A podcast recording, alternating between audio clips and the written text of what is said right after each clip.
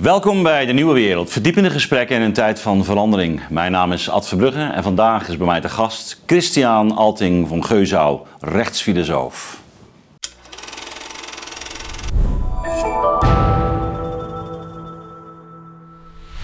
Dag Christian. Dag Ad. Fijn dat je weer uh, kans hebt gezien om uh, langs te komen. Je was even in uh, Nederland. je werkt natuurlijk nog steeds in, in Oostenrijk. Ja. Um, ja, we spraken elkaar en jij bent ook aan het reflecteren op de parlementaire enquête in zaken coronabeleid. En je denkt ook mee daarover. Um, daar gaan we het ook over hebben. Wat het jou betreft ook de vragen zouden moeten zijn. Of, die gesteld dienen te worden. Maar um, voordat we dat gaan doen, um, gaan we eerst eigenlijk een, een, stap terug doen. Omdat jij um, ook, ook die, dat beleid eigenlijk in een wat breder kader uh, wenst te, te plaatsen. Ja. Uh, wat je samenvat onder de titel de ontmenselijking van de, de politiek. Ja. Klinkt zwaar. Klinkt zwaar. Is het uh, ook. Is het ook. ik, ik herken er veel in. Maar laten we toch eens kijken hoe, hoe jij die, ja, die ontmenselijking eigenlijk plaats ziet grijpen op dit moment. En uh, ik, ik begreep dat jou, voor jou ook een aantal beelden heel belangrijk zijn. Ja, ik zou eigenlijk willen beginnen met een beeld. Eh, ik denk dat uh, vele mensen zich daar wel in kunnen herkennen. En dat is uh, The Lord of the Rings. Natuurlijk een boek wat ja, eigenlijk ieder belezen in de literatuur op zijn minst van gehoord heeft. Ja. En het is ook een boek dat de afgelopen jaren ook in mijn gezin heel intensief werd gelezen door iedereen. En het interessante is eigenlijk, ik had het boek in mijn jeugd nooit gelezen. De, de, het boek, er zijn serieboeken, ja. Lord of the Rings. Maar mijn kinderen, vooral mijn zonen, hebben dat allemaal gelezen. Dus ik dacht, ja, nu moet ik het toch ook gaan lezen. Ja. En het is natuurlijk een fascinerend uh, werk. Natuurlijk een van de grote werken van de, van de westerse literatuur. En daar is een derde boek, dus al het laatste boek van de, van de trilogie, Lord of the Rings is een moment dat, uh, dat als volgt gaat. Je hebt dus Frodo die na de overwinning op het kwaad, om het zo maar te zeggen, mhm. is hij op weg terug naar het Hobbitland. En hij wordt op die tocht begeleid. De door Shire. De, Shire, precies. En hij wordt op die tocht begeleid door de andere hobbits en door Gandalf. Ja. En ze zijn dus eigenlijk in opperbeste stemming. En ze lopen terug en ja, het, het, doel komt dichterbij. Alhoewel we weten dat het als ze in de Shire komen ook nog wat tegenvallers uh, hen wachten. Maar dat weten ze dan nog niet. In ieder geval, ze zijn dus in opperbeste stemming. En op een gegeven dag vindt Gandalf Frodo alleen lopend, helemaal in zichzelf, heel gedeprimeerd, heel teruggetrokken. Uh, en hij zegt, wat, wat is er aan de hand? Frodo, je moet toch blij zijn? We hebben toch een overwinning achter de rug en we zijn op terug naar huis. Waarom ben je zo neergeslagen? En dan zegt Frodo het volgende. Hij zegt, vandaag is het precies een jaar geleden dat ik door de zwarte ruiter gestoken werd in mijn schouder met het giftige zwaard. Nou, iedereen die Lord of the Rings gelezen heeft, herkent die scène ook waar Frodo gestoken wordt. En hij zei dat is precies een jaar geleden. En het is alsof ik die duisternis die toen mij over mij heen kwam, toen ik gestoken werd met, werd met dat giftige zwaard. Het is vandaag, precies een jaar later, als ik eraan denk, alsof die duisternis weer over mij heen komt. En dat beeld kan ik heel erg herkennen als ik terugdenk aan de afgelopen drie jaar coronabeleid. Daar zit een bepaalde duisternis in. Nu zullen veel mensen zeggen dat klinkt heel melodramatisch en dat valt toch allemaal mee. Ja, maar het gaat mij om een dieper niveau. Hm. Wat is daar eigenlijk gebeurd? En ik zou het eigenlijk willen, willen samenvatten in dat er een, een zwaard van angst was. Wat ons als maatschappij ja, opgelegd werd eigenlijk. En wat niet altijd gerechtvaardigd was. En daaruit kwam toen voort een hele politiek die zoals we nu ook weten uit de lockdown-files in Engeland. Ik weet niet of je dat gevolgd hebt. Ja, je hebt het er ook over gehad in een eerdere uitzending.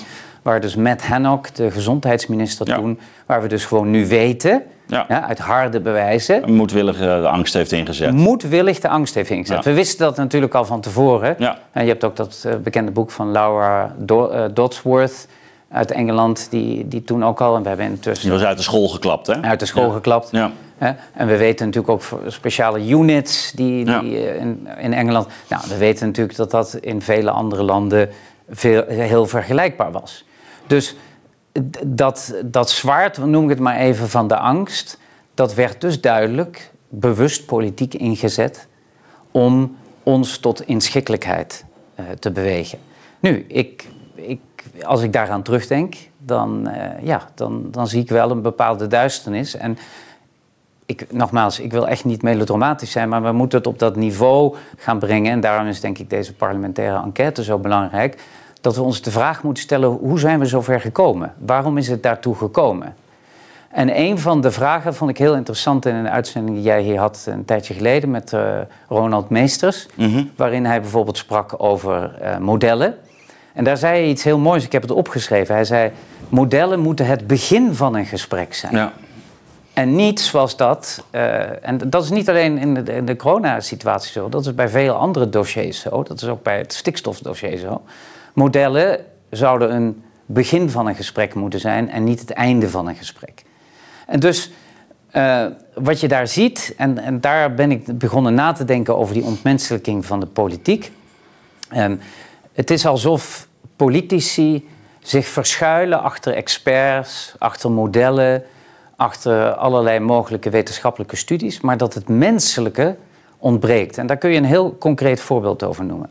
We weten nu, het RIVM en het GGD, dat werd vorige week uitvoerig beschreven in NRC Handelsblad, zijn met een alarmerend bericht naar buiten gekomen, waarin ze vaststellen dat de jongeren met uh, psychologische problemen, dat dat nu meer dan de helft van de jongeren betreft. En dat dat een verdubbeling betreft ten opzichte van de tijd voor corona. Ze zeggen weliswaar erbij dat niet enkel corona de, de reden was.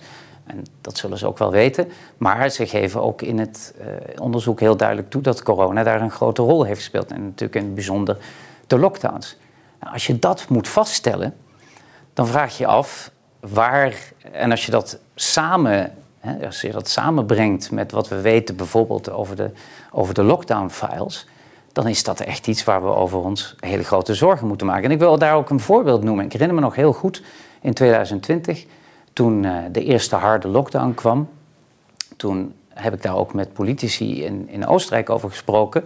En ik zeg, jongens, moet dit? En is dit werkelijk nodig? En ik herinner me nog heel goed dat iemand die, die vrij hoog geplaatst was tegen mij zei... Ja, maar Christian, kijk naar dit model. Kijk hmm. naar dit model. En dat was het enige argument. Kijk naar dit model. En ik denk dat we daar heel goed over moeten gaan reflecteren. Als we het over de, over de parlementaire enquête hebben, maar nogmaals, ook in andere dossiers. We moeten heel erg goed erover gaan reflecteren. Willen we dat wel? Ja. Willen we uh, willen we wel dat, uh, hè, dat we ons laten leiden door, door modellen en door experts? Want wat je eigenlijk ziet, is dat daardoor, dat, dat hebben we de afgelopen jaren dus niet alleen corona zien, maar dat zien we nu ook in vele delen van de stikstofdiscussie. Politici verschuilen zich vaak achter de experts zeggen. De EU zegt. De modellen zeggen. Ja, dat leidt dus tot een ontmenselijking, een dehumanisering van de politiek. Want we zijn als mensen uh, uniek geschapen hè? en uh, niet herhaalbaar. Dus dat betekent, je, je moet ook in, in, in situaties waar een grote crisis in de maatschappij is, ja, moet je ook naar de mens kijken en naar het geheel van de mens kijken. En omdat dat totaal ontbreekt door deze hele technocratische toegang die wij hebben tot de politiek, uh, hè, waarin de politiek eigenlijk met technocratische, uniforme oplossingen komt. En waar veel te weinig aandacht wordt besteed aan het geheel van het mens zijn. En ook veel te weinig aandacht wordt besteed aan het feit dat we individuele mensen zijn. Bijvoorbeeld, dat heeft me altijd verbaasd in die tijd.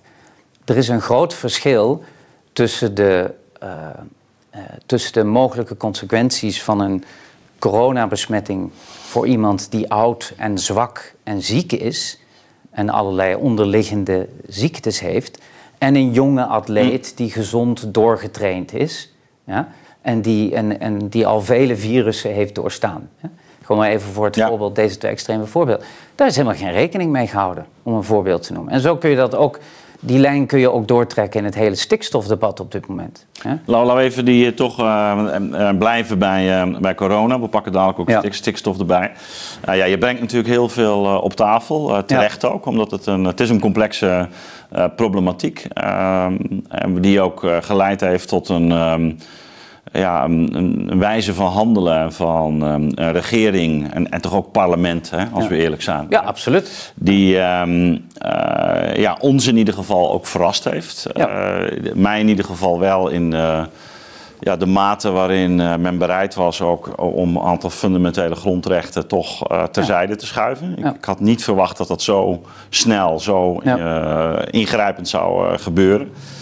Um, is ook helder dat dat natuurlijk te maken heeft met, uh, laten we zeggen, een dynamiek in de, de hele samenleving. Ik, ik uh, refereer toch aan, aan, het begin dat het kabinet aanvankelijk een tamelijk liberale ja. uh, benadering voorstond. En, en, en, min of meer door leraren samen met medici zijn teruggefloten toen in dat beroemde weekend. Hè. En, ja. en, en, en, in het spoor gingen van de rest van Europa. Hè, want dat, aanvankelijk hadden we toch een een soort alleingang, ja. daar leek het op, ehm, samen met Zweden. Mm nou, Zweden heeft dat wel volgehouden. Ja. men, heeft eigenlijk gewoon de aanbevelingen van de WHO uit 2019 in zaken pandemieën gewoon gevolgd. Absoluut. En waarin ook stond, nou, lock, uh, lockdowns bij virussen heeft eigenlijk geen, geen zin. Uh, mondkapjes enzovoort, allemaal, stond eigenlijk allemaal op een rij al. Stond allemaal op een dus, rij. Dus, um, en, en, goed, uh, ons land heeft zich aangesloten bij de, de Europese familie, om het zo maar te noemen. Of het internationale mm -hmm. netwerk, hè, want het was niet puur Europa.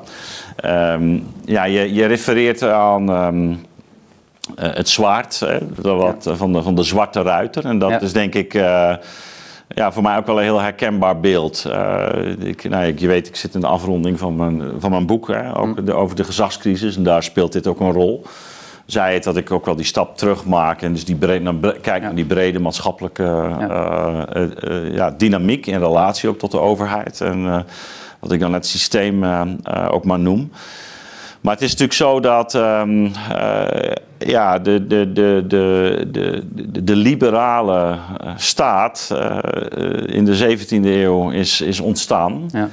Uh, we zijn inmiddels in de 21ste eeuw. We hebben een, een, aantal hele heftige eeuwen achter de rug. En de 20ste eeuw was natuurlijk bijzonder uh, ja. confronterend. Juist ja. waar het gaat om die, mm -hmm. om die liberale staat. Um, je, je hebt het over ieder mens is uniek. Ik, ik moet ook denken aan Arendt, hè, die ja. eigenlijk vanuit die uniciteit en die nataliteit ook uh, kritiek levert op het ontstaan van uh, totalitarisme. Nou, dat is natuurlijk in dit discours, die ontmenselijking heeft, en die, hè, dus de noties die jij laat vallen, uh, uniformering, technocratie, die, ja, die wijzen natuurlijk toch op, op een, laten we zeggen, een, een, een veranderende configuratie waarin instituties ja. die we voorheen begrepen, in ieder geval de laatste, toch na de Tweede Wereldoorlog, toch weer opnieuw bevestigt, die liberale ja. grondslag. En het lijkt alsof we steeds weer op de verleiding komen om dat, uh, om dat los te laten. Maar wel nu in een, in een andere modus. Hè? Dat is een, ja. Maar toch. Maar nou toch. ja, en wat je daarbij ook ziet, is mij heel erg opgevallen. Als je dat ook bijvoorbeeld weer ziet in de coronatijd. Unifor uniformiteit wordt vaak verward met gemeenschapszin. Ja. Want er wordt heel ja. vaak gezegd, ja, maar we moesten het doen om de gemeenschapszin. Ja, daar ja. ben ik het helemaal mee eens. Natuurlijk moeten we met elkaar rekening houden. En ja. daar zijn we natuurlijk dagelijks als mensheid mee bezig, met de gemeenschap rekening houden. Maar dat is niet hetzelfde als uniformiteit. Nee. Want uh, als gemeenschap is het juist het hele punt dat je er rekening mee houdt dat we anders zijn. Dat verschillende ja. mensen en verschillende leeftijdsgroepen ja. anders zijn en andere behoeftes ook en nou, andere is, problemen dat, hebben. Dat is een hele mooie, want uh, die, die, die, die werk ik ook in mijn boek enigszins uit. Dus die, die het verschil tussen het collectief en, um, en de gemeenschap. Ja. En dat um, juist de, de neiging tot uniformeren. Um, uh, kenmerkend is voor het wegvallen van gemeenschap. Omdat, ja. uh, en ik, ik, ik, maak daar zelf ook uh, de vergelijking met het, het, het, samenspel hè, in een voetbalteam. Ja. iedereen speelt anders, afhankelijk ook van zijn rol, positie. Ja. En, en het gaat erom dat je een begrip hebt voor die verschillende posities. Precies. En dat je dat, en dat, dat is het samenspel. En dat je dat aanvaardt en respecteert. Ja, absoluut. En, en dat is eigenlijk de idee van gemeenschappelijk goed, ook bij Aristoteles. Dat is niet dat iedereen gelijk is. Wel dat iedereen tot zijn recht kan komen, maar wel binnen verschillende uh, posities. En uh, nou ja, goed, je weet, ik heb me ook en je kaart die kwestie van de, van de jongeren aan. Ik heb ook regelmatig hier gezegd dat ik mij schaam hè? Ja. Uh, als generatie over wat wij doen. Ik schaam me ook wat we hebben gedaan met onze jongeren. En zoals je weet, ik ben in twee onderwijsinstellingen ben ik, uh, ben ik actief die ik leid. En daar, daar heb ik ook gezien. En daar heb ik ook gezien wat de consequenties daarvan zijn. Ja. de reden waarom ik ook na de eerste lockdown een weg heb gevonden dat wij daaraan niet meer hoefden mee te doen omdat je gewoon de schade zag die aangericht werd aan de jongeren. Ja. En, en ik denk dat een, een ander probleem bij dat... Maar, maar misschien even nog even dit, hè. Ja. Nog fundamenteler, eh, denk ik, eh, is de symbolische uh, betekenis van dat handelen. Ja. ja dus nog los van de, mhm. het, het, daadwerkelijk thuiszitten... Ja. Hè? Eh, wat ik ook niet om wil onderschatten. Maar de symbolische betekenis uh, van een cultuur die dus uh, kennelijk uh, deze prioriteiten stelt. Ja. En, en ja, dan kinderen eigenlijk toch, um, ik zal niet zeggen als tweederangs burgers bejegend, maar, ja. maar um, eigenlijk onderwerpt aan een regime dat er vooral op gericht is om, om één specifieke groep uh, ja. te beschermen. En op zichzelf, die groep moet beschermd worden. De ja. vraag is alleen, is dat hoe effectief? En hoe doe je dat op de beste hm. manier? Hm. Uh, en wat mij ook wel is opgevallen, hè, toen, uh, om, om, dan toch wel die vergelijking te maken, toen, toen op een goed moment de vaccinaties werden ingevoerd, wilde men een onderscheid gaan maken tussen de gevaccineerden en niet-gevaccineerden. Achteraf bleek dat dat helemaal niet kon en niet eens was onderzocht. En toen werd gezegd, nou dat kan wel. Dat is ook een manier om, uh, om, om de zaak veiliger te maken. Toen er werd gesproken over um, de, de, de, de, omgekeerde lockdown. En ik heb eigenlijk in, zelf al in april van 2020 gezegd... volgens mij moet je gewoon de zwakken beschermen. Uh, zoveel mogelijk. En toen werd gezegd, nee, maar dat kan helemaal niet. Ja. Uh, dus dus, dus uh, een soort gelegenheidsargumentatie. Maar de reden waarom er zo gesproken werd, denk ik, ja, is dat men niet in staat was te differentiëren. Ja. En men was niet in staat te differentiëren omdat men totaal gefocust was op één technocratische uniforme oplossing van het probleem. Ik gebruik daar een beetje graag het beeld van de mokerhamer. Ja, ja, nee, absoluut. Van het moet nu allemaal zo en iedereen moet daar nu zo. ja, en dat is wat de techniek ons zegt, of dat is wat de wetenschap, wat, wat de, ook, ook met het idee van we, we, gaan het dus op die manier gaan we het virus verslaan. Hè? Heel martiaal, zoals ik het. Ja, maar ook dat is weer, dat is weer een, een arrogantie van ons mensen. We gaan het virus verslaan. Wie, eh, sinds wanneer hebben we, zijn we als mensheid in staat geweest de natuur te verslaan? Dat is een natuurbeginsel. We, we moeten en zullen steeds maatregelen moeten nemen om de schade te beperken. Nou ja, goed, bij, bij, sommige, bij, sommige, bij, bij, sommige ziekten lukt het natuurlijk. En bij sommige vaccins kun je inderdaad. Uh, maar, maar alles wees erop dat dit helemaal niet ja. Eh, ja, maar zelfs daar, ja, zelfs daar, we hebben enorme succesvolle vaccinatiecampagnes. Ja, de pokken. Hè, de pokken. Ja. Maar dat is niet omdat de mensheid het virus heeft verslagen. En dat is de, dat, dat de mensheid door haar enorme wetenschappelijke ontwikkelingen heeft kunnen bijdragen daaraan dat uh, zo'n virus voor de mensen onder controle komt. Maar goed, dat, dat is een hele wetenschappelijke. Maar mij gaat het om, om, het, om dat menselijke aspect. Want wat in, in dat met die mokerhamer slaan van uniformiteit en technocratie, is dat daardoor ook uh, ethische overwegingen volstrekt ja, secundair. secundair worden. Ja, of, en, ook irrelevant zelfs. Ja. ja. irrelevant. Of ook grondwettelijke overwegingen. En om even terug te komen op die jongeren.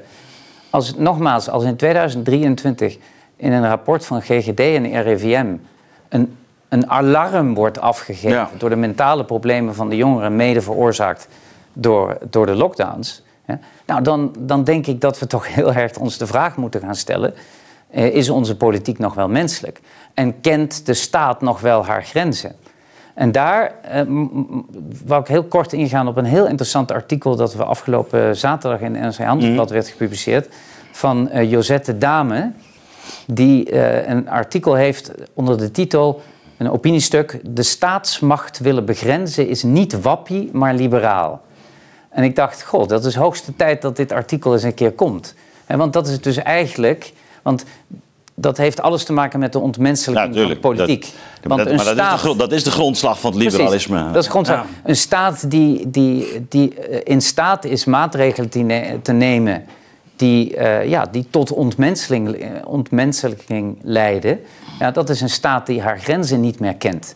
En dat, dat hebben we gezien en dat zien we steeds meer. En misschien mag ik kort één citaat uit dit artikel, want ik vond het fascinerend om dat van zo iemand te horen. Zij schrijft in haar artikel: ook tijdens de coronapandemie werd duidelijk dat juist de partijen die onder liberale vlag varen, het niet zelden nalaten om de grens tussen het publieke en het privédomein te bewaken. Uitgerekend VVD en D66 schaarden zich achter de invoering van de avondklok en betonen zich uitgesproken voorstanders van de coronapas. Ja? En dan, dan gaat de schrijver verder en die, die plaatst natuurlijk dan mm. wat kritische kanttekeningen uh, hè, bij het feit dat uh, de staatsmacht bevragen in de afgelopen jaren vaak gelijk, gelijk werd gesteld als iets dat alleen wappies uh, doen. Ja. En wat kreeg je, welke dynamiek kreeg je daardoor? En die dynamiek is heel gevaarlijk voor de liberale rechtsstaat. Die dynamiek die je daardoor kreeg, is dat de als extreem geachte partijen, of het nou even links of rechts is, dat doet er even niet toe, dat waren degenen die nog bereid waren dat aan te spreken. De zogenaamde mainstream partijen durfden dat niet meer, omdat ze niet zeg maar in één, uh, in één hoek. Ah, in één adem genoemd wilden worden met, uh, met, met, met deze. Met Forum of met. Precies, uh, met deze partijen wilden ze niet in één adem genoemd worden. Dus spraken ze er niet over. En dus werd dat weggeduwd en werden ze stil. Deze, deze mainstream partijen. En dat, dat waren dan toevallig ook de, de, de, de liberale partijen. Nou, en daar stel, je, daar stel je dan de vraag: als de liberale partijen niet meer in staat zijn uh, de staatsmacht aan banden te leggen waar dat nodig is en kritische vragen te stellen waar de staatsmacht te ver gaat, dan leidt dat dus automatisch tot eigenlijk twee dingen. Het leidt tot ontmenselijking, want altijd zien we in de geschiedenis waar een staat is die te veel macht heeft, leidt dat altijd tot ontmenselijking. En het leidt ook tot uh, ja, een ondermijning van de democratie. Ik, ik, zou, um, ik, ik, denk dat het, um, het analyseren van deze thematiek in termen van uh, staatsmacht uh, zelf ook nog uh, een vertekend beeld geeft. Mm -hmm. Ik denk namelijk, um, zoals ik het zelf analyseer, dat de staatsmacht zelf een één machtsfactor is binnen, binnen de, mm -hmm. de netwerksamenleving. Ja.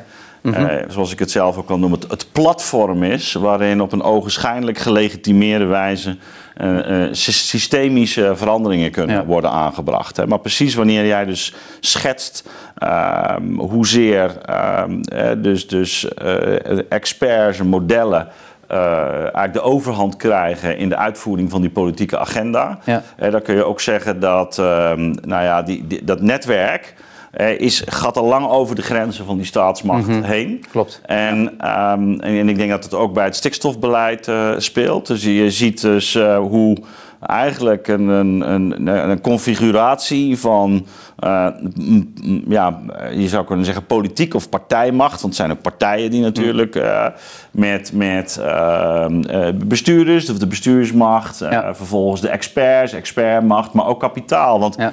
vergeet natuurlijk niet de, de rol die, die in dit, dit geheel ook de farmaceuten hebben gespeeld. Ja. Dat is een hele eh, ja, bedenkelijke uh, rol. Ehm, daar hebben we het hier natuurlijk in, ook, ook met Dick Bijl wel over gehad. Hoe die, hè, want die kan zeggen, kijk, zo'n politicus is natuurlijk ook gewoon aangewezen op goede instituties.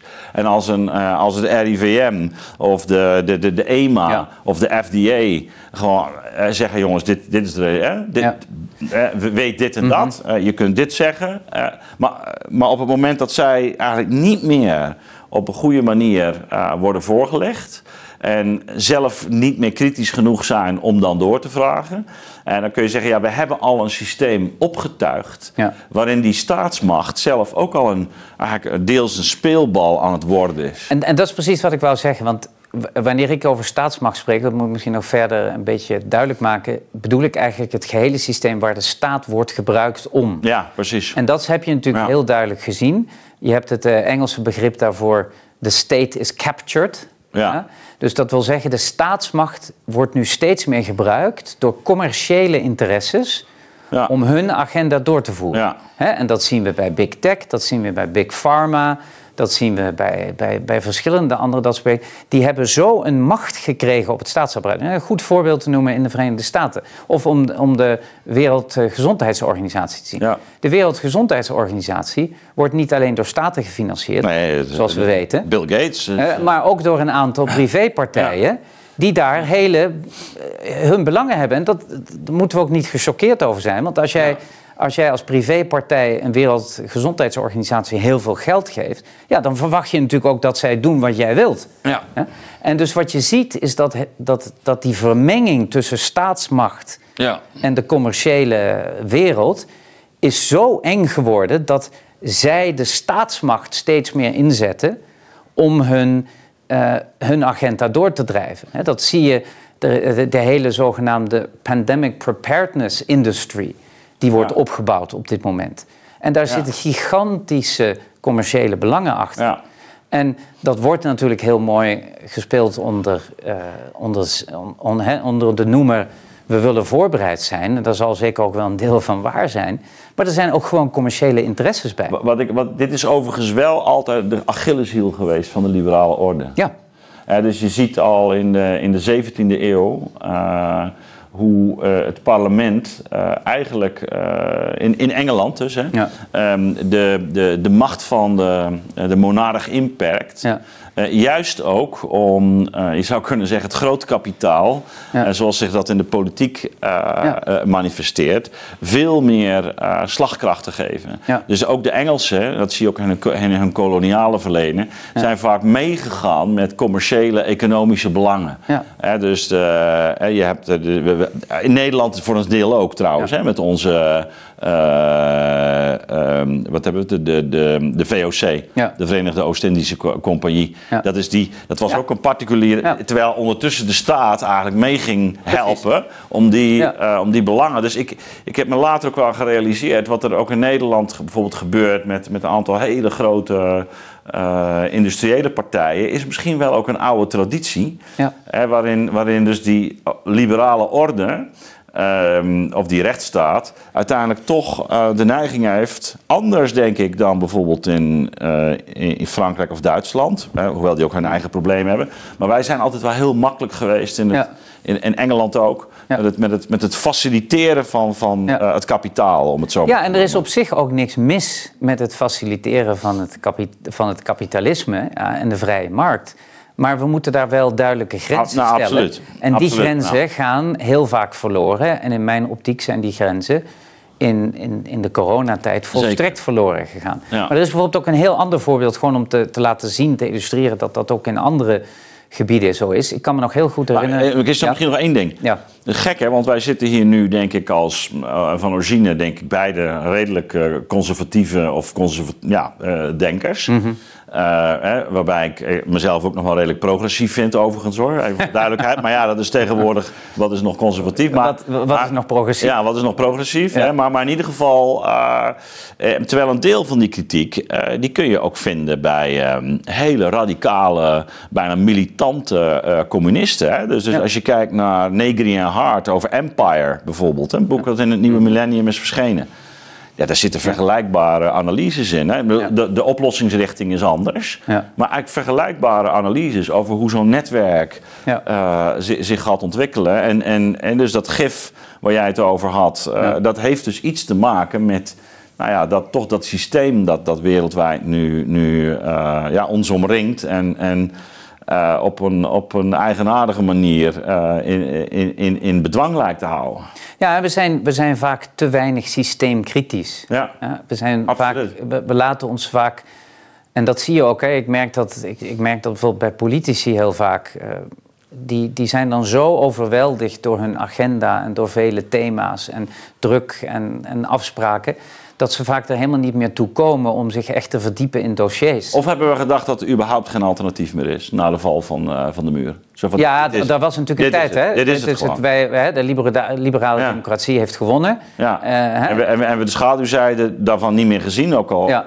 En, dat, en, en daar zit natuurlijk een gevaar in. Want er is natuurlijk, uh, alhoewel het zeker ik ervan overtuigd ben dat het van alle systemen de beste is, ja. ja. betekent niet dat het systeem niet vol systeemfouten ook zit en veel zwakheden.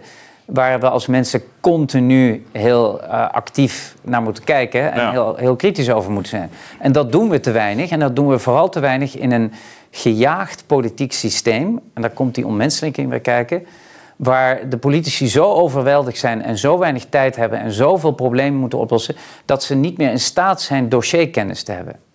Ik kan, ik kan je een heel concreet voorbeeld noemen. Ik heb met een, een, een vrij, uh, een vrij uh, ervaren Amerikaanse politicus gesproken. Hij is niet meer in de politiek, maar die was in een vorige Amerikaanse regering toen de, toen de coronacrisis uitbrak. En die heb ik eens daarmee geconfronteerd met die vraag. Ik heb gezegd, joh, hoe, hoe, kan dat nou? Hoe kan het nou dat jullie in het begin jullie zo hebben laten leiden door één klein groepje van experts? Ja. En zie je het probleem daarvan in? En hij is de eerste politicus geweest, dat moet ik ook zeggen, hij heeft dat later ook openbaar herhaald. Hij is de eerste politicus die, geweest die heeft gezegd, ja, daar hebben we een grote fout gemaakt. En hij stond echt, hè, echt uh, aan de knoppen, zeg maar. En hij zei, wij hebben daar een grote fout gemaakt, want we hebben doordat we het zo druk hadden en, en crisis, hebben we niet de tijd genomen om stil te staan bij de vraag: oké, dit zeggen deze experts, mhm. maar laten we eens ook gaan luisteren naar wat anderen zeggen. En laten we dat eens even gaan verdiepen voordat we. Maar is dan, is, dan, is dan het probleem ook niet dat uh, momenteel uh, geen mensen zoals uh, jij en, en ik in de Kamer zitten? Nou ja, de, is dat, moeten, ja. we ook niet naar onszelf kijken in dat opzicht? Nou ja, er is, ik denk dat er een aantal van dat soort mensen wel degelijk in de Kamer zitten. Maar ik denk dat heel veel van deze mensen jarenlang, dat weet ik ook, uh, angst hebben gehad om daarover te spreken, omdat er dit klimaat uh, vaak, is, uh, vaak is geweest. Nee, maar jij, jij hebt je toch ook uitgesproken, ja. institutioneel? Ja. Dat is toch juist wat je doet? Ja, dat, daar heb ik het juist. Nee, dat gebeurt te weinig. Dat ben ik helemaal met je eens. Ja, dat gebeurt veel te weinig. Dus, maar dat heeft dus ook iets te maken met, laten we zeggen, de, de, de status die een politiek of de Kamer heeft op dit moment. Hè? Ja, en, dus, dus Is, is, is dit nog een. Um, omgeving die in staat is om um, uh, talent aan te trekken, eigenzinnige lieden? Of worden die er bijvoorbeeld uitgefilterd omdat de partijdiscipline al, want je komt niet zomaar binnen. Uh, dus dan krijg je of avonturiers, uh, of zijn die partijen eigenlijk, is die partijcultuur nog wel? Nou, ik, ik, heb, ik denk dat de partijcultuur deel van het probleem is. Dat... omdat je daar mensen dwingt in een bepaalde richting te stemmen en het maar zelden de mogelijkheid is vrij te stemmen naar je geweten te stemmen. Daar is sowieso al een fundamenteel probleem in de politiek. Want als mensen niet meer, als parlementariërs, niet meer in staat zijn altijd op basis van hun zonder geweten... Zonder last of ruggespraak. Ja, zonder last of ruggespraak op basis van hun geweten hun stem uit te brengen... dan hebben we natuurlijk sowieso al een groot probleem. Ja, dat je natuurlijk op, op kwesties waar misschien het geweten niet zo'n grote rol speelt, ja, bij stoplicht of zo, dat je daar hè, bij genoeg thema's ook gewoon een partijlijn kunt afspreken. Maar er zijn natuurlijk heel veel kwesties waar de waar de meerderheid alleen niet genoeg is. Ik heb ook met parlementariërs gesproken in uh, 2021, mm -hmm. uh, die, uh, die uh, het eigenlijk in grote lijnen gewoon eens waren met wat, met wat ik mm. zei, of wat we bij de Nieuwe Wereld ook deden. Mm. Maar die zei, ja, maar dat, dat kunnen we niet... Ja. Zo, ik, ik kan me niet permitteren om een ander standpunt in te nemen. Nee, en dan dat hoor je, ik ook vaak. Dus dat is dat, en dat is natuurlijk wel heel zorgwekkend. Het is heel zorgwekkend en dat is een, op dit moment een zwakte van ons parlementaire systeem. Want daardoor komt de waakfunctie van het parlement is daardoor in het geding gekomen. Want wat moet een parlement juist doen? Een parlement moet niet alleen wetten afkondigen of uh, wetten besluiten, maar het moet ook de regering controleren. En er zijn natuurlijk uh, er zijn te vaak situaties waar dat niet gebeurt. Hoe, hoe, hoe, kijk je naar de rol van de media in dit verhaal? Bedoel je al, al, algemeen in de afgelopen jaren? Ja, ja rampzalig. Want ook de media heeft, geen, ook de media heeft, uh, heeft maar zelden een kritische stem laten horen. Ja, maar daar ben ik mee eens. Ik, ik, ik sprak toevallig uh, een, een hoge plaatsslag in namen noemen van de NRC. Dus we refereerden nog even aan ja. hun uh, censuur van mijn artikel. Ik zeg, nou, dat is eigenlijk merendeel, dat is eigenlijk gewoon allemaal wat jullie weggehaald hebben, is eigenlijk gewoon uitgekomen. Hè? Dus ik, ik, moet, ik zeg, wordt het niet eens tijd voor een... Uh, Rectificatie. Ja, ja. dus misschien ook een... Ehm, uh, je hoeft geen uh, openbare spijtbetuigingen neer te zeggen. Maar ik zeg, maar het lijkt me toch eigenlijk. Ja, maar zeggen ze, die, dit proces is wel op gang aan het komen in de krant. Ja. ook uh, over wat er, wat er toen eigenlijk is gebeurd. Ja. Um, ja, tegelijkertijd is dan ook wel weer de vraag, ja, en dat heb ik ook bij zo'n parlementaire enquête, het is natuurlijk mosterd naar de maaltijd. Ja. Uh, want het, het, we zijn in Nederland ook heel erg goed in uh, achteraf rapporten schrijven over wat er mm. beter had gemoeten. Ja. Terwijl, um, zoals Aristoteles zegt, de welberadenheid is ook uh, niet alleen wat nodig is, wanneer, of zoals het nodig is, maar, wanneer het nodig is. Ja. en, en, en bedoel, daarin wordt je praktische kwaliteit natuurlijk zichtbaar op het, juiste moment. En kennelijk is dat nog bij de politiek, nog, nog bij uh, de media aanwezig op dit moment. En dat heeft wel te maken met die zwarte ruiter waar jij het over had. En dan komen we misschien bij jou op punt, want die kan zeggen: ja, de grondwet mhm. is natuurlijk de opgeslagen wijsheid van generaties. Ja. Die, die we nou juist precies hebben opgesteld om te voorkomen dat de waan van de dag ja. En de gektes van, van individuele uh, politici, dat die de overhand kan krijgen. Ja. En uh, het, is, het is eigenlijk het is de, de constitutionele wijsheid van generaties die, die wordt uitgedrukt in de grondwet. Nee, en daarom vind ik een parlementaire enquête, dat ben ik niet helemaal eens. Ik vind het niet een mosterd naar de mate. Ik begrijp wel wat je zegt. Maar ik zeg het ja. er even in, hè? Ja, maar ik vind het niet mosterd naar de mate. Natuurlijk, het zou beter zijn als die parlementaire controle tijdens zo'n crisis uitvoerig had plaatsgevonden. En ik moet zeggen, die heeft niet altijd niet plaatsgevonden. Ik kan me herinneren op een gegeven moment dat de Eerste Kamer uh, verworpen heeft een verlenging van de coronanoodtoestand. Ja. Ja, dus dat, er zijn wel momenten geweest ja, dat het gebeurd is. Een correctie, is wel eh, iets. Maar, maar het was minimaal. Maar het was minimaal. Er is wel iets van correctie geweest. En die correctie moet er meer zijn. En, en, maar, en, overigens, ja. um, er, er, is eh, maar zelden een fundamenteel debat gevoerd door parlementariërs. Ja. Over van, hé, hey, wacht even, we hebben toch ook een grondwet, jongens. Wat betekent dit? En ik, en ik, ik heb zelf de indruk dat het kabinet aanvankelijk misschien nog door een soort van gewoonte uh, tot de schroom had om, om bijvoorbeeld een, een avondklok uh, in te voeren. Nou, de, ja. En toen dat eenmaal gebeurd was, ja. toen uh, was het hek van de dam. Oh, dat kan dus gewoon. Dus een soort gereedschapskist. En nou, we gaan er nu weer maar één doen. En, en, daar is precies het punt, de gereedschapskist. Dat, dat, dat woord geeft mij de koude rillingen over Absoluut. de rug. Want je gaat met mensenlevens niet om... Nee door middel van het inzetten van een gereedschapskist. Dit gaat om mensen. Dit gaat om, dit gaat om gezinnen, dit gaat om jongeren. Ja. Individuele mensen. Uh, met, dus daar, daar vind ik het woord gereedschapskist al totaal verkeerd. Um, ja, ik heb me een beetje gereflecteerd, omdat ik als rechtsfilosoof is dat mijn vakgebied natuurlijk. Ja, maar je hoort het heel vaak. Ja, het ging tegen de grondrechten. Je hebt ze eens even allemaal op een rij gezet. Ik heb even op een rij gezet. En ik heb dat heel bewust... Misschien kunnen we er een paar... Eh, ja, we nemen er een paar uit, want het is te lang om dat allemaal te bespreken. Maar ik heb het bewust in vragen gesteld. Ja? Dus ik vind altijd dit soort situaties heel belangrijk, dat je vragen stelt. Want niet, eh, mijn mening is niet direct uh, het belangrijkste. Het gaat om de vragen te stellen waardoor dan een discussie op gang kan komen. En we zeggen, oké, die afwegingen moesten moeten gaan maken, dit en dat. Maar ik heb gewoon een paar vragen. Allereerst denk ik, wat is de taak van de grondwet? De taak van de grondwet is, zij waarborgt de grondrechten en de democratische rechtsstaat.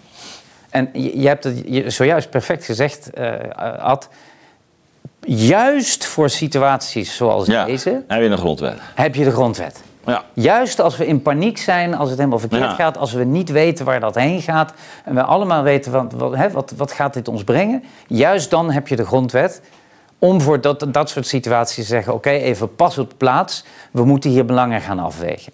Nou, en bijvoorbeeld een van, de, een van de eerste vragen die ik mij dan stel, is artikel 1 van de grondwet gaat over gelijke behandeling en discriminatieverbod. Dat is de eerste vraag, die, uh, de, de, eerste artikel van de grondwet. Dat is ook een, een, een, artikel van de grondwet waar je niet per wet op kunt, uh, op kunt inperken. want de meeste, meeste artikelen van de grondwet staat tenzij bij wet anders bepaald. Je mag soms de grondrechten mag je soms beperken. Ze zijn niet absoluut. Je mag, sorry, ze, je dus- ze relativeren ook elkaar. En, Je moet het beter zeggen. Je mag grondrechten weliswaar niet beperken, maar je mag de uitvoering tijdelijk beperken. Hè, als daartoe dringende omstandigheden zijn. En ik denk dat die discussie in, in de regering in die tijd veel te weinig gevoerd is. Tenminste, wij hebben er niks van meegekregen. En maar het is ook niet, het is ook niet uh, voor, het, voor het volk op die manier gepresenteerd. Nee, absoluut niet. Ja, Ook niet in het parlement. Nee, helemaal niet, helemaal niet. En als je al kijkt bijvoorbeeld artikel 1 van de grondwet... dat je heel duidelijk zegt dat, uh, dat iedere die zich in Nederland bevindt... in gelijke gevallen gelijk behandeld wordt... dan is mijn vraag dan, is dan aan, aan de regering en aan de uitvoerende op dat moment Bijvoorbeeld met de invoering van de groene pas en QR-code werd de toegang tot bepaalde openbare gelegenheden en commerciële instellingen, hoofdzakelijk voor gezonde burgers, burgers werd, die, werd die toegang ontzegd, tenzij ze een vaccinatiebewijs of een negatieve coronatest hadden. Nou, we weten al sinds begin 21 weten we uit de peer-reviewed medisch-wetenschappelijke literatuur dat coronavaccinatie infectie of verspreiding niet of nauwelijks kon verhinderen. Ja, ik, ik, zeg daar niks nieuws. Dat, ja, intussen wat we net ook al raakten. Ja, in, intussen heeft. Dus, uh, ja. dat is gewoon, dat is gewoon een, een medisch wetenschappelijk feit. In de peer-reviewed literatuur staat dat. Intussen heeft Pfizer ook bij een hearing in het Europees Parlement. Dat ja, is hier ook nog voorbij geweest. Ja, Heeft, heeft gezegd: ja, dat hebben we eigenlijk nooit onderzocht. Nee. Dus dat te claimen als regering en op basis daarvan een groene pas in te voeren, dan moet de vraag gesteld worden, want daardoor werden mensen gediscrimineerd. Ja. Want daar is ook nog een groot verschil tussen een test hebben, want eigenlijk is de test in dat situatie veel veiliger. want daar heb je op zijn minst een momentopname. Op dit moment is deze persoon wel of niet besmet. Ja. op zijn minst heb je dat. Maar dat kun je dus niet hetzelfde behandelen als een, een vaccinatiebewijs. Ja, dat zijn twee verschillende paar schoenen. Nou, dat is bijvoorbeeld iets waar je de vraag moet stellen. Ik ga nog geen antwoord geven, want daarvoor, daarvoor heb je zo'n parlementaire enquêtecommissie. Maar ik zou graag de vraag willen stellen: is overwogen dat dit mogelijk in strijd is met het discriminatieverbod? En alles wat daaruit voortvloeit, hè? alles wat daaruit voortvloeit. Is, is daar überhaupt de, de, de vraag gesteld van ja, um, moeten we misschien deze groepen anders behandelen? En is daarbij de vraag gesteld, weten we uit de peer-reviewed literatuur wat, uh, wat de effecten van zo'n beleid zijn? Ja. En nogmaals, ik, ik ben geen kenner, ik ben geen medisch wetenschapper, dus ik doe hier niet alsof ik dat weet. Maar ik stel mij als jurist gewoon de vraag, de feiten waarop deze beslissing tot inperking van de uitoefening van de grondrechten gebruikt zijn, ja, kunnen die feiten stand houden? Dat is de vraag die ik stel. En, ik, eh, ik, realiseer me nu, nu je hem zo voorleest, dat heb ik in het verleden ook al gezegd. Ja. Dit is net even een omkering van dit artikel. Ja. Maar het interessante is, um, kijk, uh, de wet definieert natuurlijk niet dat iedereen gelijk is, maar we zijn gelijk voor de wet. Ja. Dat, is, dat, ja. dat, is gelijk voor de wet. Ja. En, um, en, en, en, en uh, dat beginsel van ongelijkheid maken we natuurlijk allerlei manieren gebruik van. Ik bedoel, de een betaalt meer belasting dan de ander. En de, de een kan met pensioen en de ander niet. Dus je, je, je brengt voortdurend ongelijkheid ook als een recht binnen. Hè? Dat is de, de, Mensen vergeten dat nog alles. Hè? Maar, maar, de ongelijkheid is echt een recht. En sterker nog, het hele recht is mede georganiseerd rond ongelijkheid. Hè? Dat... Uh, en uh, zodat je dus juist gaat differentiëren. En het interessante is dat we natuurlijk bij corona, dat is, je kan zeggen, eigenlijk is onze grondwet is één groot pleidooi om gelijke gevallen gelijk te behandelen. Wat hebben we nu gedaan? We hebben we hebben ongelijke gevallen gelijk behandeld. Precies, dat is en dat is ook een vorm van onrecht. Dat is, dat, dat is een vorm van discriminatie. Ja, dat is een vorm van discriminatie. dus dat valt eigenlijk onder dit, uh, dit artikel. Want dat is eigenlijk de hele simpele, de hele simpele definitie van van discriminatie is dat je ongelijke gevallen gelijk behandelt en gelijke gevallen dus, ongelijk. Dus we hebben dus precies dit, ja. bijvoorbeeld de jongeren over één kamp te scheren met ouderen. Precies. Hebben we, hebben we eigenlijk artikel 1 al onder druk gezet. Precies, nou dat is dus, dus één vraag. En er zijn natuurlijk verschillende andere aspecten zijn daarbij.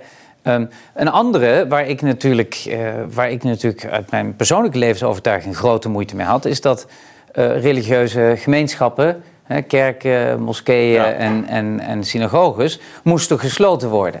Ja? En daar is helemaal niet de afweging gemaakt van, goh, maar eh, zien wij niet het, de vrijheid van godsdienst en de vrijheid van geweten die daarbij hoort, zien wij dat niet als een van onze kerngrondrechten.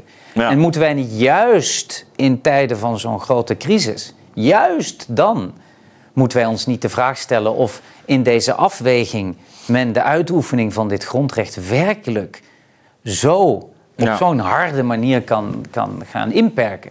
Waarbij nog kwam, zoals we allemaal weten, dat meestal de juiste religieuze gemeenschappen degene waren die het meest braaf alle hygiëneregels uh, in stand hielden, meestal. En de, de grootste gebouwen hebben waar de mensen het verst uit elkaar kunnen zitten. Ja?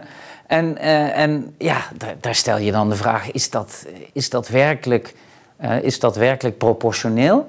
Nou, dat is een vraag die ik denk die gesteld moet worden. Want want het, het, religieuze, het gewetensleven van de mens mm. is een van de belangrijkste dingen voor de mens. Ja, zelfs de mens die geen geloof heeft, uh, is, is een mens die wel een levensovertuiging heeft. Ja. En die op basis van die levensovertuiging moet kunnen leven. Ja. Nou, voordat je als staat daar zo massief gaat ingrijpen, moet je wel heel erg zeker weten dat er echt geen andere mogelijkheid is. En dat je echt uh, met aan grote zekerheid, wensen, uh, grenzen en waarschijnlijkheid ervan overtuigd bent dat dat echt een grote rol gaat spelen in, uh, in, ja, ja, kijk, wat, in het hele bestrijden van wat er aan de hand is. Wat, wat daar natuurlijk de spanning is, is dat je kan zeggen, ja, omwille van het algemeen belang hè, doen, we, doen we dus ja, eigenlijk verdergaande concessies. In dit geval, we, of, of sterker nog, we, we voeren eigenlijk restricties in. Hè? Dat in de, in, terwijl wat natuurlijk cruciaal is, dat, dat die grondrechten, die behoren tot algemeen belang. Ja.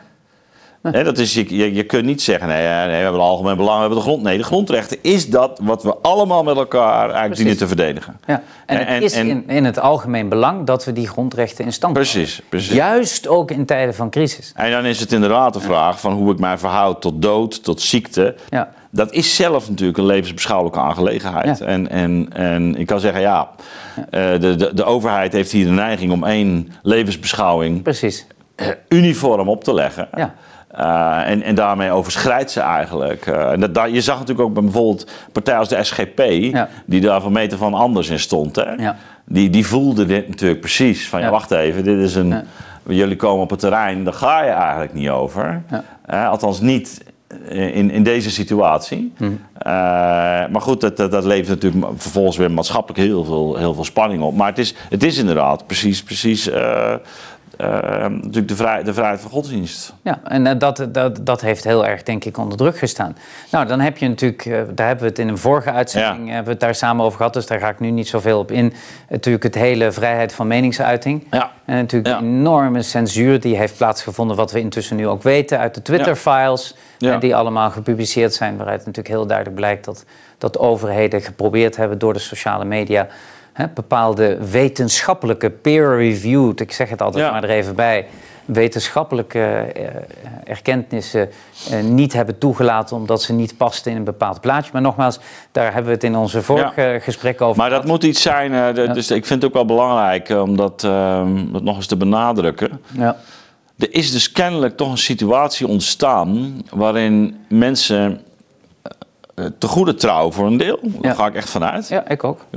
Dat ze dat recht hadden. En, en, dus het gaat echt om het fundamentele. En daarom is die enquête inderdaad, ik vind het ook belangrijk.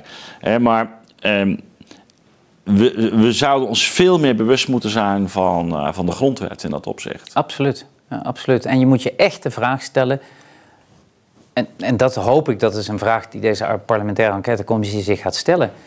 Heeft al deze censuur, of het nou direct of indirect, want ik, ik hoor al meteen heel veel mensen denken en zeggen: ja, niet zo overdrijven, dat was geen censuur. Nee, het was wel zo. We hebben nu de, we hebben nu de feiten op tafel dat dat, dat, dat zo was. Ja? Heeft dat werkelijk bijgedragen, want eh, gaan we even van de juiste intentie uit, hè? heeft dat er werkelijk aan bijgedragen dat daardoor mensenlevens zijn gered? Ik denk het niet want er was genoeg peer-reviewed literatuur die, die, die andere beeld liet zien. En zoals we intussen weten, heel veel van die theorieën zijn nu na drie jaar vast komen te staan als eigenlijk veel dichter bij de feitelijke waarheid. Ja, dan... tot, tot en met het Wuhan-lekverhaal. Precies, hè, dat mocht je drie jaar geleden niet zeggen, want dan was je een complotdenker. En nu heb je zelfs Amerikaanse overheidsinstanties die officieel... Ja, dit als het narratief, dit als het narratief naar buiten brengen. narratief, ja. Dus ik denk dat we heel, heel kritisch ons de vraag moeten stellen... deze bijna Pavlov-reactie toen van... ja, nee, nee, alles wat niet hè, die ene lijn is dat moeten we meteen onderdrukken, want dat kan de volksgezondheid in gevaar brengen. Daar moeten we ons heel serieus de vraag stellen: was dat wel de juiste houding? Want als je kijkt hoe het, het een en ander zich nu ontwikkeld heeft, ja, dan, dan blijkt toch dat het, het beeld toch wat. Uh, ja, en eigenlijk ook een overheid die uit moet dragen van iedereen heeft dit recht. Hè? Ja. Wij beschermen iedereen. Dus ook wanneer op universiteiten mensen kritisch daartegen, dan moet hen gewoon die ruimte geboden worden. En dat is een van de grote, vind ik, de grote kracht van de, van de democratie en van de liberale rechtsstaat. Is dat wij als burgers en in de verschillende instanties, inderdaad, je zegt de universiteit, wij moeten altijd vragen kunnen stellen. Ja. Het moet mogelijk zijn kritisch vragen te kunnen stellen. Ja. En dat moet juist ook, ik heb dat ook in een eerdere uitzending al gezegd, maar het moet juist ook in tijden van crisis mogelijk zijn. Die vragen te stellen en daarover met elkaar in debat te gaan. En als dat niet meer kan, ja, dan, dan is de, de, de liberale rechtsstaat is dan echt in gevaar. Ja. Nou ja, goed, daarom hebben wij natuurlijk ook hier ja. Eh, zoveel aandacht aan besteed. Ja, absoluut. en ehm, dat moet, moet verder ook. Nog, uh, nog, uh, nog twee zou ik zeggen. Ja, nog twee. Ja, ik, ik, ja, dan gaan we afsluiten. Ik dacht aan privacy ook, hè? artikel 10 van de grondwet. Het recht op privacy. Er is natuurlijk enorm veel gebeurd in deze periode, waar op allerlei verschillende manieren in de persoonlijke levenssfeer van mensen is ingegrepen. Ja, ook hoe je kerst ging vieren. Hoe je kerst ging vieren, werd ons verteld. Of met hoeveel mensen je bij elkaar zijn, ja. Uh, moest, werd ons verteld. En dan hoor ik al meteen veel mensen zeggen: ja, maar we wisten toen niet anders. Nou, dat klopt dus niet. Want in verschillende landen, we hebben het Zweden al gehoord, maar ik hoorde net toevallig in een gesprek dat ik twee dagen geleden met een, overigens een, een, een parlementariër voerde, die vertelde: ja, maar bijvoorbeeld in België had je, deden ze het anders. In België hadden ze bubbles. Ja, dus daar kon je besluiten dat je met een groep van familieleden en vrienden... een soort bubbel uh, Een bubbel vormde. En daar konden ouderen, jongeren, wat dan ook zijn. Ja. En die konden dan besluiten. Maar dan mocht je wel niet buiten die bubbel mocht je in contact zijn. Wat wil ik daar alleen maar illustreren? Ja, er was geen ene waarheid... Mm. Uh, hoe, hoe, dit, uh, hoe dit virus bevochten kon worden. Die was er niet. Ja? Er waren verschillende benaderingswijzen. Maar dan moet je dus ook niet doen als, als politiek, als regering, alsof wat jij voorstelt de enige waarheid is en de enige manier is waarop je dit kunt doen. Wat, wat ik zo had gehoopt in deze tijd is dat je politici hebt die zeggen van... Goh, we gaan dit proberen mensen. We weten niet of het gaat werken, maar we vragen jullie mee te doen. En we gaan het dan samen evalueren en kijken of heeft het gewerkt. En dan gaan we iets anders proberen als het niet werkt. Ja, ik zeg nu even heel simplistisch. Maar dat, dat ontbrak. Maar even terug te komen op die privacy. Dus er werd ons gezegd met hoeveel we mochten zijn en waar we mochten zijn. En in hoeveel mensen eh, in een, in een huis mochten zijn. En eh, op grote schaal, en dat is denk ik nog een veel groter probleem, is natuurlijk de verwerking van allerlei elektronische gegevens. Absoluut. Testgegevens, vaccinatiegegevens. Ja, daar is op massieve schaal is daar bijgehouden wie wat wanneer heeft gedaan. En daar is ook de vraag die we ons moeten stellen: willen wij dat? Willen wij in een maatschappij leven waar alles in, in centrale dataregisters wordt opgenomen, welke medische behandeling ik neem? Ja. Dat is nogal een, een, een ingreep in onze privacy. Ja, en die vraag moet ook gesteld worden. Hoe ver zijn we daar gegaan? En heeft het doel daar de middelen geheiligd, ja of nee? Ja, want je zou eigenlijk kunnen zeggen... het is juist het falen van al die middelen... die ons er ook weer van heeft bevrijd. Hè? Ja, ja. Want uh, bedoel, we zijn, dankzij Omicron is het hele kaartenhuis in elkaar gevallen. Ja. Hè? Ik, bedoel, je ik denk wel, maar het dankbaar zijn dat Omicron is gekomen. Hè? Ja. Ja, absoluut. Als het nog een beetje zo was blijven hangen rond, uh, wat was het toen, Delta. Ja. Nou, dan, uh, dan hadden we nog wel even, uh, denk ik, moeten volgen. Maar Omicron, ja. dat vloog gewoon natuurlijk door. China heeft nog geprobeerd om dat tegen te houden. Nou, maar dat, zelfs China onleefbaar, heeft het opgegeven. dat. Ja, dat heeft opgegeven. Die heeft het helemaal opgegeven. En, en eigenlijk ook gewoon onderkennen van jongens, ja. weet je, het, het viel gewoon helemaal niet meer. Uh, het is natuurlijk gewoon het is falend beleid geweest. Hè? We zijn gered door Omicron. En weet je wat het mooie daarvan is? We zijn gered door de natuur. Ja, dus door de natuur. Ja? en dat is precies het punt om terug te komen op hè, het hoofdthema, de onmenselijking van de politiek. Want eh, als je een menselijke politiek wil hebben, gaat het niet alleen om de mens, maar ook om de natuur. Te, te, te, respecteren en de, de, de, natuur te willen begrijpen. En wij willen in onze uniforme technocratische maatschappij altijd met die hamer van maatregelen en technische dingen erop slaan. In plaats van dat we ook maar eens heel goed gaan bestuderen hoe de natuur zijn gang gaat. Ja, ja, nou ja en, absoluut. En, en dat, ja, dat, dat is, dat, als je dat niet bereid bent te doen, dan ga je in die enorme ontmenselijking vallen. Ja, absoluut. Dus privacy uh, en dan een laatste, uh, een, een, laatste, dan moet ik even. Um, uh, ja, de, ja ik, ik, de laatste vraag, dat is eigenlijk artikel 22 van de, van de grondwet. Daarin staat dat de overheid treft maatregelen ter bevordering van de volksgezondheid. Ja. ja.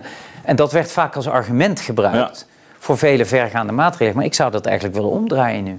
Ja. En ik zou in zo'n parlementaire enquête graag de vraag willen stellen: eh, beste regering, beste beleidsmakers, ja. hebben jullie daadwerkelijk in deze tijd de volksgezondheid bevorderd? Ja of nee? Ik ga nogmaals, ik ga daar op dit moment geen antwoord op geven, want daar, daarvoor heb je die enquête. Maar die vraag moet wel worden gesteld. Ik noem maar het voorbeeld, omdat we het daar eerder over hebben gehad. Die gigantische bijwerkingen ook op medisch gebied, die die lockdowns hebben gehad. Ja. Is die vraag gesteld toen? En heeft dat daadwerkelijk, als je het onder de som allemaal opteelt, heeft dat werkelijk bijgedragen aan de, aan de volksgezondheid? Heeft, uh, heeft de, de, Ja, dat is grappig, want ik zat hier met Louis ja. Cruz. Ik haal het bijvoorbeeld nog regelmatig aan. Hij ja. zegt, nou, neem nou die lockdowns. Hè? Ja. En uh, allerlei sportscholen die dichtgaan. Uh, mensen die veel minder buiten komen mensen die misschien wel helemaal niet meer sporten. En we hebben ook gezien hoe er een gewichtstoename was van 6, 7 kilo, geloof ik, gemiddeld. Ja. Um, als het nou eens bij 1 op de 1000 de problemen oplevert. Ja. Ja. Dat is toch niet zo gek, om dat, zei hij, van, mm -hmm. om, om, daarvan uh, uit te gaan. Mm -hmm. hè? 1 mhm. op de 1000. En dan, uh, die, die daar echt serieus nadelig ja. en misschien wel hè, hartklachten of mm -hmm. uh, suikerziekte, nou, noem maar, maar op. Dan heb je natuurlijk uh, op een bevolking van 16, 17 miljoen... heb je het al over uh, 17.000 uh, mensen. Ja.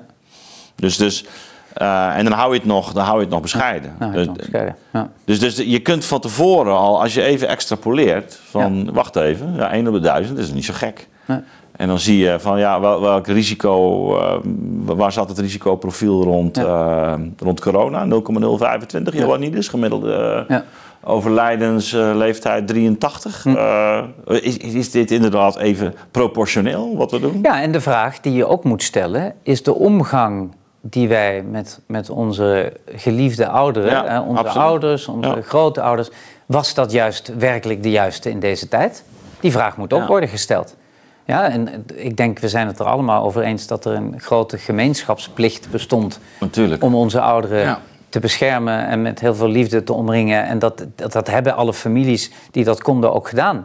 Maar we hebben ook maatregelen genomen, waardoor, ik vertelde mij nu uh, gisteren ja, een priester... die nauwelijks bij het sterfbed konden zijn. Ik, mij, mij, vertelde een priester hoeveel mensen hij niet begraven heeft... die ja. gewoon van pure ellende ja. gestorven zijn omdat ze zo geïsoleerd waren. Omdat ze geen familie meer mochten, konden of mochten zien, omdat de dochter zo bang was ja. uh, langs te komen. En hoe, hoe, gewoon mensen in totale eenzaamheid gestorven zijn. Er waren landen. Ja, dat, waar, is, dat is die waar, zwarte ruiter, hè? Ja. Dat is een naargeestigheid. Er waren landen waar, waar het niet eens geoorloofd was dat, dat familie of zelfs een priester nog bij het, uh, of, een, of een andere religieuze nog bij het bed mocht komen van iemand die stierf. Ja. Dus weet je, die vragen moeten ook gesteld worden. Hebben wij daadwerkelijk de ouderen genoeg beschermd en behandeld? Ja, maar voor de jongeren inderdaad nog maar Om, om de jongeren nog maar te zwijgen, maar daar, omdat, we ja, daar al, uh, omdat we het daar al over gehad hebben.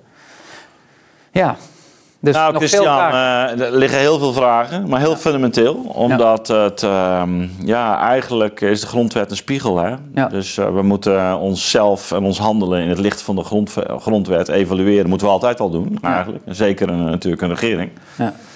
Want ja, wat, wat, waar we het zo even over hadden, die grondwet is er juist ook om te voorkomen dat we uit de bocht uh, schieten. Ja, en ik, ik, hoop ook echt dat die parlementaire enquêtecommissie daar ook echt vanuit die grondwettelijke visie deze vraag. Daarom zie je dat het af, afkondigen van een noodtoestand ook zo gevaarlijk is. Hè? Ontzettend gevaarlijk. En dat weten we ook uit de geschiedenis. Maar er is nog een slotgedachte die ik nog even wil, wil, wil meegeven tot slot. Ik denk bij dit alles, hè, die ontmenselijking van de politiek, speelt denk ik één probleem wat we, wat we niet moeten vergeten. En dat is dat we leven in een maatschappij waar het alles om de maakbaarheid. Mm. Hè, dat is ook een thema waar jij heel bekend bent. De maakbaarheid van de maatschappij. En dat is dat wij als mensen de arrogantie hebben te denken dat alles maakbaar is. Omdat we zo ver al zijn gekomen in onze medisch-wetenschappelijke en technische vooruitgang, dat we denken dat alles maakbaar is. En als dat ook in de politiek jouw enige focus is, dat alles maakbaar is, dan vergeet je dus het menselijke. Want dan is de enige, het enige antwoord wat je kunt geven op iedere crisis: oké, welke technische antwoord kunnen we hier nu op geven en formuleren. En dan wordt totaal vergeten het geheel van het mens zijn. Ja, dat Alle je dus, aspecten dus, van het mens zijn. En dat je dus sommige dingen uh, ook moet laten. en dat je... sommige dingen moet laten en dat je moet afwegen. En altijd die vraag klein moet stellen. Klein beetje dit, klein beetje dat. Meer kun je niet doen. Altijd die vraag moet stellen, wat betekent dit voor de individuele mens? Ja. Binnen de gemeenschap. Ja, waar deze mens deel uitmaakt. En ik denk dat we ook dat heel kritisch nog eens moeten gaan reflecteren. Hoe maakbaar is de samenleving? Is, is die fixatie op de maakbaarheid wel de juiste weg voor onze liberaal-democratische maatschappij? Of moeten we misschien iets bescheidener gaan worden en iets meer gaan kijken naar de vraag: wat betekent dit voor het mens zijn? Nou ja, prachtig thema. Ehm, het communisme verkeerd in de veronderstelling dat de samenleving maakbaar was. De, nou, de liberale traditie ging er altijd vanuit dat dat niet het geval was. En, en, dat je daarmee juist ook eigenlijk de, de ruimte open moest laten voor het experiment, voor de, voor de menselijke voor de, ontwikkeling. Voor, de, voor, de menselijke voor het menselijke onderscheid. Ja. Dus uh, heel, heel belangrijk. Christian, ik uh, dank je wederom voor een uh, heel mooi gesprek. En wij gaan ongetwijfeld ook deze enquête nog op de, op de voet volgen. Uh, misschien dat we daar ook wat mee kunnen doen bij de Nieuwe Wereld. Hè? Maar daar uh, ja, hebben we het nog over. Dankjewel. Oké, bedankt.